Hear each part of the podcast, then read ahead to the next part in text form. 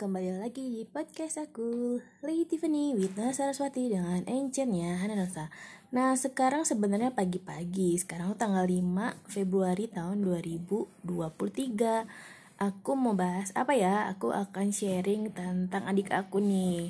Jadi aku tuh punya satu adik Adik aku cewek Dan hmm, dia udah uh, Gak di sini sih Udah di tempatnya yang lain gitu Nah, dia itu lahir tanggal 17 Maret tahun 1991. Jadi adik aku ini cewek, dia bedanya 6 tahun sama aku. 6 tahunan lah ya, kurang lebih. Jadi tahun 91 bulan 3 tanggal 17. Harinya nggak tahu deh, lupa. Tapi pas dia lahir itu aku ada loh. Jadi karena dia tuh lahirnya di rumah sakit Cimbeleit atau rumah sakit Salamun di Bandung. Itu di sekitaran Unpar atau di sekitaran apartemen Dago. Eh bukan Dago apartemen Unpar. Uh, nah di situ uh, dia lahir di situ. Dan waktu pas kelahiran itu jadi gini ceritanya. Ibu aku tuh nggak tahu adik aku mau lahir karena adik aku tuh lahir prematur. Dia tujuh bulan di dalam kandungan jadi harusnya tuh dia bukan Maret April Mei mungkin Mei Meian gitu uh, lahirnya. Tapi dia eh, buru-buru pengen keluar karena ibu aku tuh ada sakit hipertensi dan jadi mungkin nggak tahu gimana ya uh, adik aku jadi uh, udah perutnya tuh udah sakit dan udah pecah ketuban atau gimana gitu ya. Jadi itu tuh hektik banget lah. Ibu aku tuh lagi di rumah karena hamil udah tujuh bulan. Dia dibawa sama angkot dari rumah aku dulu di bukan di sini ya rumah aku yang pertama itu bukan di sini. Jadi itu naik angkot menuju rumah sakit Salamun. Dan di situ adik aku dilahirkan secara normal berarti cuma berapa kilo gitu karena dia prematur. Jadi pas aku lihat dia itu warnanya tuh ungu gitu bad uh, badannya ya kecil ungu gitu. Dan aku tuh ada waktu pas dia lahiran maksudnya pas dia lahir gitu pas dia pas adik aku lahir aku tuh ada sama kakakku kita nungguin nungguin ibu aku untuk ngelahirin. Jadi kalau kamu tahu sebenarnya yang nungguin adik aku untuk lahiran bukan bapak aku ya bapak aku kayaknya gak tahu ke mana jadi yang nungguin adik aku untuk lahir itu aku dan kakak aku gitu. Kita tuh bener-bener nungguin adik aku supaya lahir. Jadi itu dan adik aku itu proses pembuatannya bukan di rumah ini. Karena kita sebelumnya kan bukan di rumah ini kan. Kita di rumah yang lama. Jadi aku juga nggak tahu aku gimana. Aku kan nggak ngerti nih proses lahir aku. Karena aku kan nggak tahu ya nggak ada yang cerita. Nah yang aku tahu itu proses kelahiran adik aku. Jadi adik aku tuh dibuatnya di rumah yang lama. Dan jadi dia pas lahir itu uh, kita lagi proses pembangunan rumah ini gitu ya. Jadi kita belum pindah ke sini. Nah pas waktu adik aku lahir itu dia prematur dan dia harus di rumah sakit selama mungkin sebulan atau berapa bulan gitu ya bersama ibu aku. Jadi aku diurus sama bapak aku lah ya selama itu. Tapi uh, so far so good sih gitu. Dan setelah itu jadi kita pas adik aku udah boleh pulang baru kita pindah ke rumah ini tapi ini rumahnya belum benar-benar selesai gitu. Jadi ditunggu dulu aku juga ikut ke saudara-saudara aku. Nah pas selama uh, selama perjalanannya selesai baru kita masuk ke rumah ini. Jadi rumah ini tuh kita tempatin pas setelah beberapa bulan adik aku lahir gitu. Jadi itu makanya kita punya dua rumah. Yang rumah yang pertama lebih kecil nah ini lebih gede tapi nggak gede banget ya. Nggak gede seperti rumah yang eh, orang-orang uh, orang -orang lah ya Nah gitu. Jadi adik aku itu lahir 7 bulan dan badannya tuh ungu, ungu kecil. Nah, nah ini pas momen-momen pas aku lihat adik aku. Adik aku itu dimasukin ke inkubator. Kalau kalian gak tahu, inkubator itu tempat buat bayi-bayi yang mungil, bayi-bayi yang lahir prematur dan pas aku lihat aku kan masih kecil ya aku masih enam tahun lima tahun enam tahun gitu sama kakak aku. Jadi kita tuh lihat-lihatan gitu sama adik aku yang masih bayi baru keluar dari perut. Dia tuh senyum-senyum gitu. Jadi pas aku lihat senyum senyum. Lah adik aku tuh gitu gitu. Jadi aku nggak tahu apa dia ngelihat malaikat atau gimana tapi aku juga senang sih lihat pas waktu adik aku lahiran itu dia senyum senyum senyum gitu. Padahal nggak ada apa-apa gitu sebenarnya gitu. Dan lucu banget lah uh, dan aku senang dia bertahan sampai sekarang. Dan uh, adik aku itu waktu kecilnya itu dia tuh nggak nyus nggak bisa nyusu karena masih kecil kan. Jadi uh, mulutnya tuh nggak bisa nyusu ke susu ibu aku dada apa sih ya susunya ibu asinya ibu aku gitu jadi dia nggak bisa ngenyot. Jadi adik aku itu adalah anak sapi sebenarnya. Kenapa disebut anak sapi? Karena dia minum susu formula susu sapi. Sedangkan aku sama kakak aku tuh minum susu ibu aku. Kita minum asi dong gitu. Bener-bener minum asi.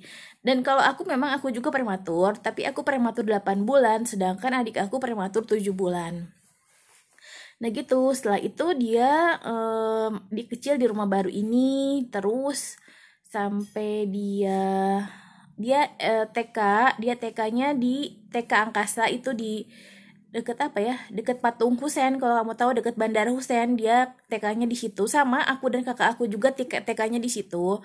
Dia TK di situ dan dia tuh apa ya uh, dia cukup dulu agak uh, kelihatannya lebih gede dibandingkan teman-teman yang mungkin masuknya uh, gimana ya dia terlalu uh, ketuaan atau gimana lupa lagi. Dan dia itu apa ya dari dulu tuh suka ikut lomba-lomba gitu. Dia suka ikut lomba kayak puisi gitu ya. Nah udah gitu dia S uh, tekadnya di angkasa SD-nya di SD aku, aku juga selama enam tahun. Jadi kita aku kakak aku dan adik aku nggak pernah nggak naik kelas. Selalu kita naik kelas gitu ya. Jadi karena di sini sekolahnya nggak begitu susah kita selalu naik kelas gitu. Jadi adik aku pindah ke sekolah aku maksudnya bekas aku dulu SD sama kita dia kelas 1 kelas 6 di sana. Nah adik aku itu sempat ganti-ganti uh, model rambut. Jadi adik aku tuh rambutnya keriting, jadi keriting yang kaku banget gitu. Kalau kamu tahu kaku banget keriting. Nah, kalau aku kan rambutku lurus ya. Aku tuh rambutnya ikutin bapak aku, bapak aku lurus sedangkan adik aku tuh perpaduan bapak aku dan ibu aku. Jadi bapak aku tuh rambutnya lurus tapi keras dan ibu aku itu uh, keriting tapi lembut. Dan adik aku akhirnya jadinya keriting tapi keras. Nah itu perpaduan antara ibu dan bapak aku lah ya. Nah dia tuh berganti-ganti gaya rambut lah gitu. Udah di SD itu dia pindah ke SMP SMP-nya negeri juga. Tapi SMP-nya grade-nya masih di bawah SMP ku ya. Jadi nah dia itu di situ juga uh, sekolah baik aja. Udah gitu dia setelah tiga tahun sekolah SMP dia pindah ke SMA SMA-nya swasta itu swasta yang cukup bagus di sini. Dia ambil SMF atau sekolah menengah farmasi. Dan dia di situ ya dia uh, ikut apa ya uh, mengikuti lah pelajarannya. Dan aku tahu gitu tapi aku nggak pernah ikut campur lah masa apa pelajarannya apa. Dia setelah setelah dia kuliah uh, sekolah gitu ya SMP gitu kita uh, ajarin bahasa Inggris gitu. Kita ajarin bahasa Inggris. Dan akhirnya setelah dia uh, eh, SMF dia memutuskan untuk kerja. Dan kerjanya di luar kota. Dia memutuskan untuk seperti itu. Tapi akhirnya uh, karena udah keluar dari kerjaannya dia dia mau kuliah lagi. Jadi selama setahun itu dia uh, ambil bimbel bimbel di GO dan dia ngambil jurusan sastra Inggris atau bahasa Inggris di salah satu universitas uh, negeri di Bandung. Tapi yang grade-nya uh, lumayan lah tapi nggak bukan bukan Unpad ya. Tapi adalah salah satu uh, PTN di Bandung. Jadi dia sebenarnya jadi apa ya? Uh, mungkin agak telat setahun tapi nggak masalah. Dia bisa ngikutin nggak pernah ada masalah. Dan uh, dia lanjutin terus sampai akhirnya dia selesai skripsi. Di situ adik aku tuh dari SD dari TK sampai SMP nggak pernah pacaran. Dia pacarannya pas SMA dia punya pacar satu dan itu pacarnya cukup lama mungkin 6 sampai tujuh tahun tapi nggak dinikahin. Ya pokoknya dia aku nggak tahu hidupan dia sekarang karena kita udah nggak begitu banyak komunikasi. Dulu tuh aku sering banget komunikasi sama dia gitu jadi di rumah tapi ya memang aku juga kurang ngerti adik aku sih. Dia itu seperti apa aku juga kurang ngerti. Dia punya teman-teman ada teman-temannya tapi aku juga kurang tahu gimana gaul pergaulan mereka aku sih bilang aku nggak support tapi aku juga nggak ngelarang. Karena adik aku terserah dia pengen tahu dunia seperti apa kita nggak bisa ngelarang dong. Masa aku harus ngelarang? Misalnya kamu nggak boleh ini kamu nggak boleh itu. Tapi aku aku sebenarnya ngebebasin kamu mau apa aja terserah. Yang penting kamu bisa bertanggung jawab atas keputusan kamu gitu. Dan dia ya dari uh, mulai dari SMA dia ikut kontes-kontes bahasa Inggris selalu apa ya kayak storytelling storyteller storytelling gitu ya dan pernah menang juara satu dan selalu komunikasi sama aku gitu. Aku aku menang jadi aku juga dulu selalu teleponan sama dia gitu. Gimana kabar kamu apa segala macam gitu. Dan dia tuh ikutan kuis-kuis gitu dan sempat jadi juri juga gitu. Dan pokoknya ya uh, aku sih bilang adik aku itu apa ya cukup kuat. Memang kehidupan itu berat tapi dia cukup kuat ngejalaninnya. Dan kita juga nggak nggak jarang kita selalu ada masalah atau kelas atau kita nggak cocok. Aku sering masalah sama adik aku tapi aku tahu kita hidup nggak mungkin uh, baik-baik terus. Kita harus tetap ada masalah supaya kita berkembang gitu. Dan aku berdoa sih buat adik aku supaya dia mm, baik-baik aja. Nah sekarang aku mau uh, cerita tentang kakak aku ya. Kakak aku itu perempuan bedanya lima tahun sama aku. Karena ibu aku tuh KB ya jadi kita bedanya 5 sampai enam tahun gitu.